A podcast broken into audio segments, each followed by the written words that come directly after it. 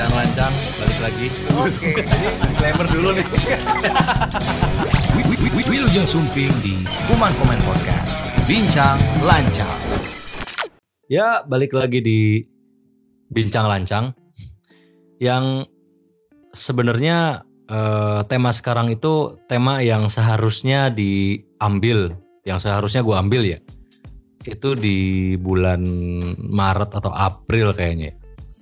Tapi sebenarnya kenapa aku berusaha untuk tidak mengambil tema yang berhubungan dengan pandemi, yang berhubungan dengan COVID, karena sebenarnya dari awal tuh aku pribadi tidak ingin menyebar, menebarkan eh, apa ya sugesti-sugesti negatif ke pendengar karena kan sebenarnya kita tiap hari udah dijejelin dengan yang namanya informasi COVID gitu loh, baik yang positif maupun yang negatif. Kenapa enggak gitu loh kita di luar bikin konten lain yang memang di luar eh, konteksnya COVID. Nah, cuman semakin hari nih em, podcast ini jalan ini bulan keempat gitu ya.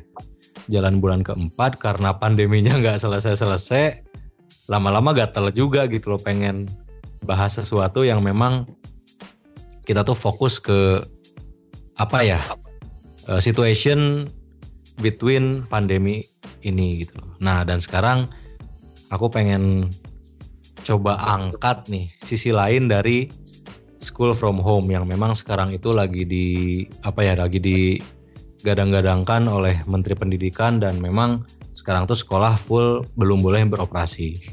Nah kita sekarang pengen ulik-ulik nih dari sudut pandang gurunya karena kan banyak nih di luar itu yang beranggapan bahwa school from home itu dalam tanda kutip menyusahkan orang tua tetapi dari segi kos yang dibayar mereka nggak ada berkurang sedikit pun gitu nah apakah dari sisi sekolah atau guru ini sama menganggapnya seperti itu nah sekarang langsung aja nih kita kenalan dengan siapa di sini Halo, Mas Jinan.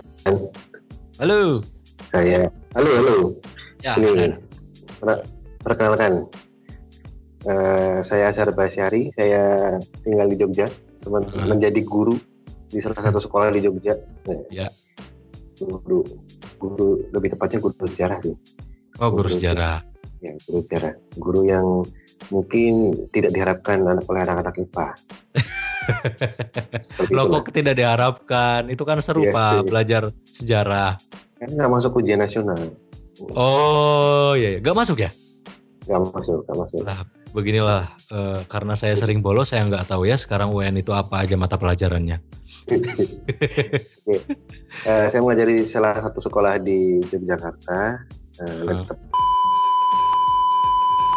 Saya mengampu guru sejarah dan selama pandemi ini ah, kewalahan juga melayani siswa baik dari ya beberapa ada yang memang japri ya atau eh, menghubungi secara pribadi atau ada juga yang tidak japri. Nah, itu juga mengalami kewalahan menghadapi situasi seperti ini.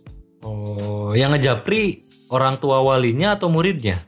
Nah, kalau untuk saya, Hah? saya pribadi itu tidak ada orang tua wali murid yang menghubungi, tapi lebih kepada murid. Oh, muridnya sendiri. Oh, tapi siswa-siswa sekarang pada berani ya langsung hubungin guru. Itu tergantung sih. Oh, Tergantung ini gimana? Iya, itu gimana. Jadi karena eh, kebetulan di kalau dulu di sekolah, eh kalau sekolah negeri ya itu ada istilahnya eh, apa ya kesiswaan gitu ya. Hmm. Kalau di ada BK gitu. Sama sih ada BK juga. Cuma ada satu lagi yang berbeda dari sekolah negeri di itu adalah ketahanan sekolah. Hmm, apa tuh? Ketahanan sekolah itu di di saya, di saya. Saya ju- kebetulan jadi staff dari ketahanan sekolah.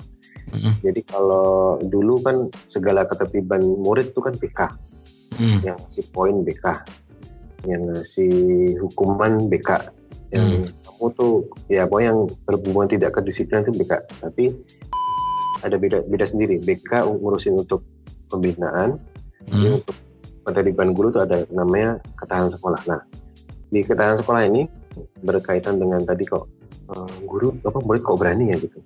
Jadi Hmm. Saya ini eh, itu memposisikan beberapa hal di sekolah. Hmm. Jadi, Hmm. eh, hari ini saya bertindak sebagai kalau kita nyebutnya transek ya Hmm. saya, saya sebagai transek saya mungkin akan bermuka kejam Hmm. tegas galak gitu ya Hmm. Hmm. di other side saya akan beru- berusaha menjadi teman mereka Hmm. Karena- oke oke. karena seperti ini kalau kita tidak mendekati mereka dengan eh, apa ya dengan cara yang lebih halus itu kadang-kadang mereka akan mental istilahnya seperti itu Ya ya ya. dan ya, setiap siswa pun punya cara masing-masing Hmm. ada dengan cara dalam tanda kutip dipukul bukan Hmm. beneran ya dipukul Ya. ada yang tanda eh, ada yang harus juga dengan cara dielus gitu Hmm. tidak beda-beda perlakuan siswa nah, Oke. Kenapa mereka berani? Karena saya sendiri sebagai guru itu memposisikan tiga hal. Hmm. Di ruang kelas, saya adalah gurumu, gitu. Kamu harus mendengarkan saya, gitu ya, di Hmm. kelas. Keluar dari kelas, di, keluar dari pintu kelas saja, itu saya adalah eh, orang tua kamu di sekolah. Hmm. Selepas jam pelajaran, kamu bisa menganggap, eh, kalian bisa menganggap saya apa aja, bisa menganggap teman, bisa menganggap orang tua, bisa menganggap siapa aja. Nah itu yang kadang membuat siswa akhirnya merasa nyaman dengan gurunya. Hmm. Gitu. Jadi beberapa siswa saya terapkan hal-hal seperti itu. Kecuali siswa-siswa yang memang eh, didikannya berbeda ya gitu ya. Oke. Ya, intinya orang-orang yang memang beda tiap orang ya punya karakter masing-masing gitu ya. Untuk masing-masing. Cuma eh, saya memang memposisikan eh, jadi guru nggak cuma guru aja. Gitu. Oh, siap. Biar lebih fleksibel aja ya. Aja. Karena kadang-kadang kalau kita terlalu sakit sebagai guru, eh, some- someday ada eh, masalah gitu dari suatu murid gitu, Hmm. kita nggak bisa menemukan akar permasalahannya. Kalau kita saklek kamu ngapain nih? Oh, kamu kenapa nih? Ya ada satu masalah namanya dia tiba-tiba tawuran gitu. Kita nggak tahu masalah apanya. Nah untuk kita tahu kita ya udahlah. Bahkan ada salah satu guru itu ikut ngegame bareng mabar bareng Oh. ya oke, salah di guru di, di, di sekolah saya ada salah satu guru yang hobinya ngegame Hah? terus akhirnya dia pakai kesempatan hobi ngegame itu untuk bermain dengan murid-muridnya Hmm. Murid-muridnya oke, biarin mau ngomong kata-kata kasar lah apa pun lah yang ya y- mungkin you know lah kata-kata Iya, iya. kasar seperti apa gitu. Ya, ya, ya. itu dibiarin sama gurunya kadang-kadang eh, dari situ mereka akan keluar pak tadi itu sebenarnya seperti ini pak ini, ini pak Hmm. ada masalah ini pak nah dari situlah kita dekat dengan murid Oh. Ya, itu mungkin nggak akan didapatkan di sekolah negeri sih. Mungkin kalau sekolah negeri saya akan bersikap seperti eh, pengabdi negara beda ya. Hmm. Jadi karena saya di sekolah swasta, jadi mungkin saya agak freedomnya agak, agak, be- agak bebas lah gitu ya. Oh. Tapi oke. bedanya Hmm. saya ini misalnya apa ya? Kalau di sekolah negeri kan guru punya power yang lebih. Iya. Kalau di sini swasta nggak, kita nggak punya power lebih. Ibarat kata eh, mereka mau ngapa-ngapain aja agak agak dalam tanda kutip murid ya itu bebas. Nggak kayak Hmm. lain. Itu. Oh, oke oke oke, Bang. Hmm. Siap siap siap siap. Berarti memang ya intinya eh, apa namanya dari sudah dari sisi muridnya memang punya karakter yang berbe- berbeda-beda, dari gurunya pun memang punya karakteristik yang berbeda-beda. Baik satu institusi lain sama yang lainnya juga ya perlu perlakuan beda juga gitu ya. Ya. Siap. Nah, ngomong-ngomong nih, yang kebahasan awal tadi masalah pandemi. Ya. Nah, em, sebenarnya apa ya? Aku tuh sebenarnya mau mau nanya tuh bingung gitu loh. Bingungnya itu aku harus mulai dari mana gitu. Soalnya memang eh, apa pandemi ini satu titik yang kita tuh banyak mempertanyakan sesuatu termasuk sisi pendidikan gitu loh. Nah, mungkin pertama-tama pengen pengen nanya dulu sih perbedaan yang paling signifikan dari apa ya pola didik yang memang reguler kayak biasa ketemu siswa sekolah diajarin di kelas sama yang sekarang itu ber apa ya berlaku secara online apa sih perbedaan yang paling signifikan Yang paling signifikan sih lebih kepada ini ya eh, sentuhan ya. Istilahnya ini istilah pribadi saya sih bukan istilah umum. Iya. Sentuhan. Jadi eh, seorang guru itu kan kadang-kadang but- eh, butuh istilahnya kadang-kadang itu mau ngajar itu semuanya kita mau mengajarkan sesuatu nih. Nah, kalau saya kan sejarah nih. Saya ingin mengajarkan contoh ya, mau mengajarkan tentang proklamasi gitu. Kadang-kadang Hmm. kita perlu ekspresif. Kadang-kadang Hmm. kita perlu suatu media yang harus komunikatif dengan siswa. Hmm. Tapi dengan ada pandemi ini kita terbatas.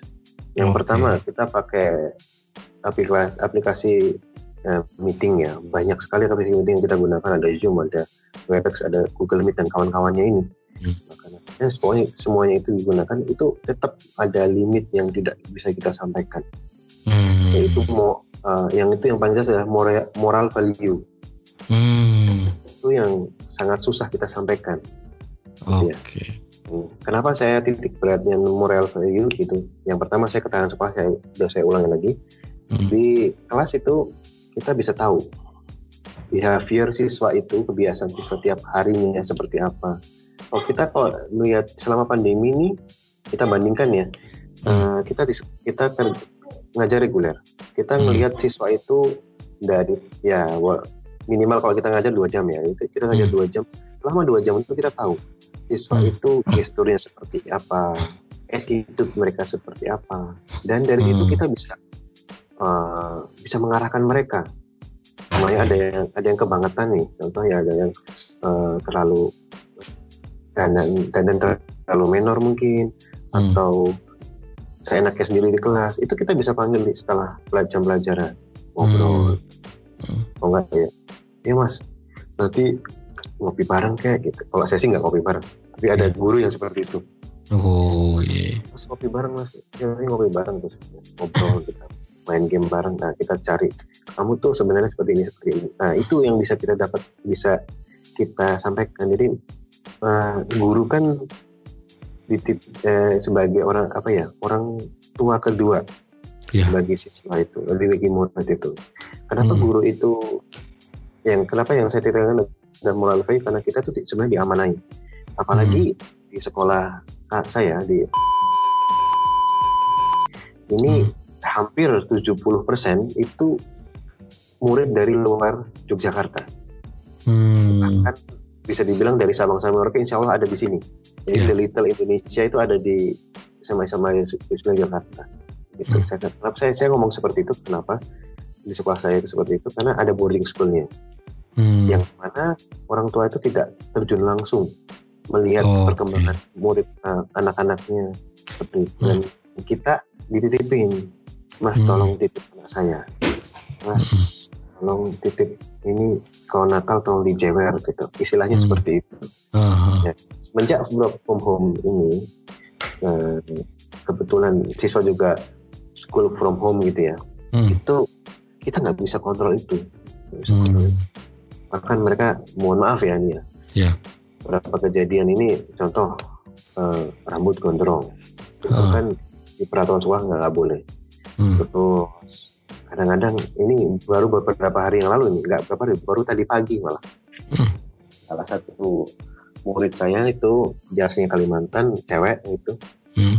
kan nama juga sekolah Islam ya itu kan wajib berjilbab dia Hmm. pas datang ke zoom nggak pakai jilbab Hmm. akhirnya dimarahin temennya terus undangnya saya nggak lihat Hmm. terus akhirnya dia pakai jilbab tapi jilbabnya cuma pakai selimut back cover gitu kan nggak etis Pak. Ya benar benar benar. hal-hal sepele seperti itu sih yang bikin kita kadang-kadang waduh punya sih anak ini anak sih gimana sih gitu. Hmm. Istilah kita pun nggak bisa kontrol langsung gitu ya. nggak bisa nggak bisa kita nggak bisa memarahin mereka pun nggak bisa kita menyampaikan materi itu udah alhamdulillah gitu Hmm. karena sebagian besar nanti mereka berantem juga gitu di dalam meeting kita gitu Oh, ada yang kayak gitu ya? Ada pasti berantem dalam tanda kutip ya bukan berantem Iya iya beneran iya. Iya iya enggak lah. Ya kan lagi physical distancing, nggak bisa pukul-pukulan pak. Ya, karena mereka kangen mungkin ya sama teman-teman jadi Iya. oh ya Bener. lepet-lepet kan itu Ya, jadi kadang-kadang nggak kondusif Oke oke oke. Tapi sebenarnya kalau misalkan dilihat dari pandangan sekolah secara umum sebagai dirimu sebagai guru ya, Iya. pandanganmu sebagai guru secara umum, lihat apa ya, lihat sekolah secara online ini ada nggak sih sisi sisi positif yang memang nggak didapatkan dari sekolah reguler? Ada nggak? banyak Oke, apa banyak kira? banget. Hmm. banyak jadi gini ya jadi soal guru yang dalam tanda kutip yang tadinya konvensional Hmm. seperti, seperti saya nih saya termasuk konvensional guru-guru konvensional itu adalah guru-guru yang eh, modal mulut ya istilahnya gitu Ya. modal cerita apalagi sejarah modal cerita apalagi guru matematika modal ngajarin pakai spidol gitu ya ya. seperti itu guru matematika atau guru kimia juga seperti itu gitu Hmm. kalau kami jadi akhirnya dituntut jadi dituntut untuk bisa membuat media pembelajaran yang sangat-sangat interaktif yang untuk di share di eh, pertemuan live gitu atau meeting seperti Oh, itu. Oke, oke. kita harus dituntut seperti itu itu yang pertama yang kedua guru-guru yang dalam tanda kutip gaptek ya Hmm. itu ma- mau nggak mau harus bisa teknologi Hmm, oke, oke. itu mau nggak mau harus bisa dan saya eh, be- beberapa waktu lalu kan kemarin kita malah sampai ada pelatihan yang menurut saya itu lucu gitu ya Hmm. Dan lucu. karena pelatihan ini sebenarnya sudah untuk kalau untuk anak kuliah ya nggak tua-tua amat lah gitu ya angkatan-angkatan saya gitu itu udah pernah mendapatkan ilmu tersebut tapi ini diseminarkan ya mungkin buat saya jadi refreshment ya buat Ya. tes otak itu tapi buat guru-guru tua kan jadinya tambah pikiran baru gitu Iya. main gitu Dan pelatihan membuat pembuatan media baru penggunaan Google Classroom kayak atau Hmm. Aplikasi apa ya platform-platform apa pun lah yang mereka gunakan itu kan jadi so, mungkin yang guru-guru muda seperti kita mungkin nggak masalah. Ah, Itu guru-guru tua yang susah. Itu yang kedua jadi yang itu udah ya. Terus eh, kita dituntut juga untuk dalam tanda kutip harus makin pinter. Hmm. karena kita, eh, dulu waktu reguler kita mengajar dua jam. Oke. Dua jam pelajaran kan sekitar satu setengah jam ya kalau di benar. waktu. Itu dua jam pelajaran. Sekarang kita hanya 60 menit. Dari 90 menit jadi 60 menit. Hmm, itu pun potong. belum ter- belum ter- termasuk nunggu mereka datang nunggu mereka Hmm. join. Nunggu mereka join bisa sampai 10 sampai 15 menit. Bahkan hari ini tadi saya itu sampai setengah jam. Ya, ya itu. Itu hari ini saya sampai setengah jam nggak datang datang padahal murid 30 32 sampai setengah jam pun hanya datang 15 ya udah mau nggak mau saya mulai. Oke.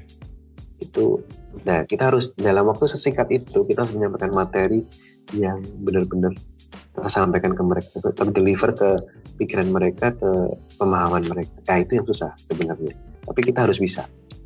Tuh. dan kata kata menterinya kita Hmm. kan harus serba serba berpikir milenial gitu ya Ya. bahkan nggak cuma 4.0 lagi kita harus berpikirnya 5.0 bahkan 6.0 gitu ya katanya Hmm. seperti itu Hmm. itu yang ya, ya itulah sisi positif yang kita dapatkan sih sebenarnya Ya positif dan negatif sih kayaknya itu sebenarnya. iya positif dan negatif ini tadi saya positif dulu sih negatifnya juga ada sih Oh apa-apa negatifnya apa? Lanjut, lanjut aja lanjut. Ajar Kalau aja. negatif ada negatif ada negatifnya ya tadi kita tidak tersampaikan moral value yang pertama Hmm. Kontrol nah gini seandainya waktu kita memberikan tugas atau Hmm. ya tugas saja dulu lah Ya.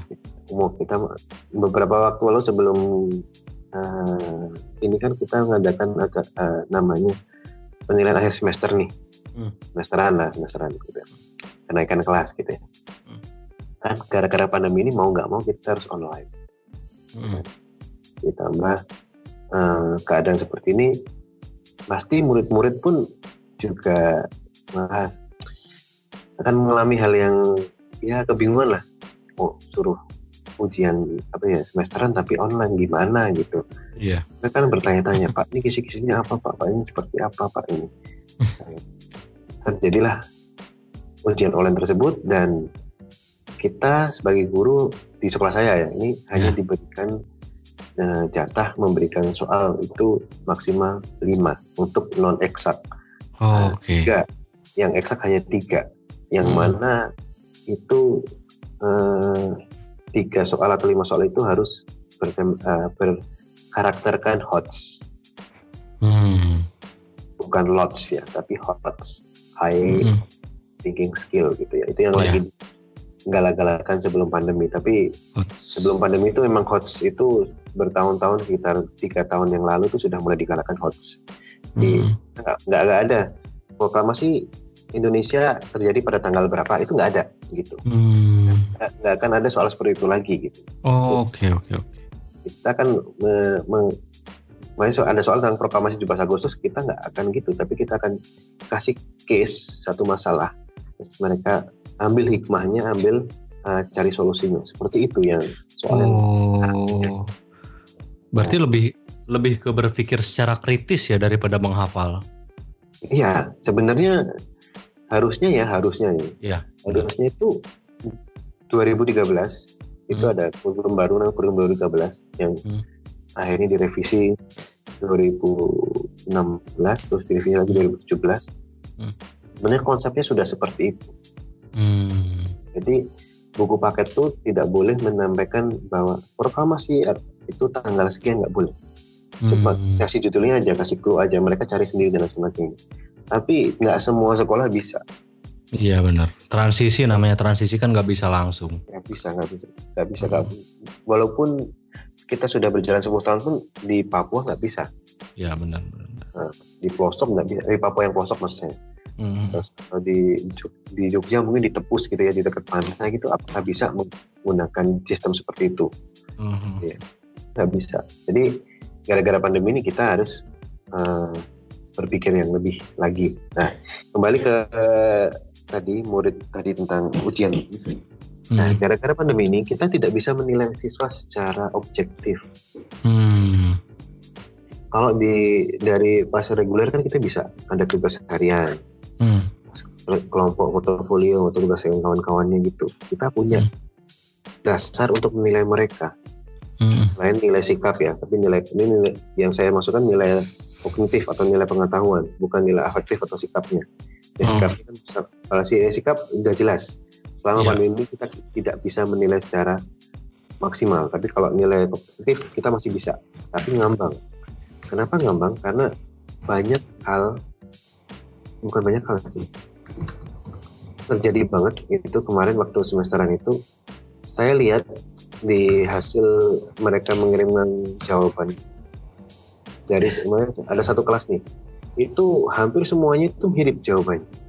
Hmm. Jadi ada oke. ada kemungkinan mereka mencontek. Akhirnya saya tidak tidak menggubris jawaban mereka, tapi akhirnya karena karena saya pernah bertemu dengan mereka dan saya tahu satu persatu dan masih ada bekas bekas data mereka waktu mereka belum pandemi.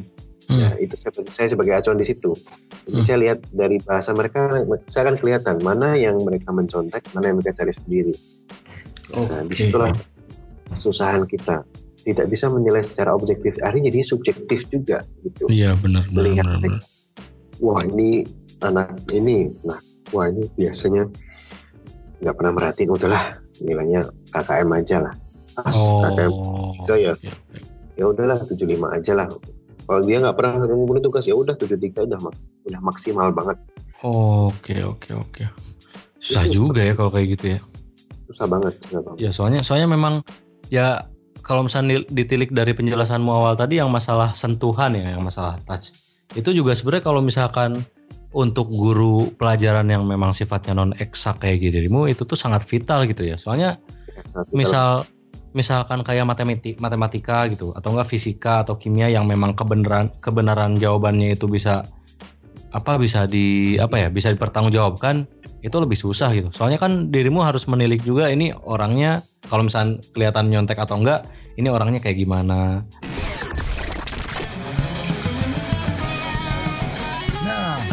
obrolan ini belum selesai sih. So, daripada penasaran, lanjut ke part selanjutnya. Langsung klik play.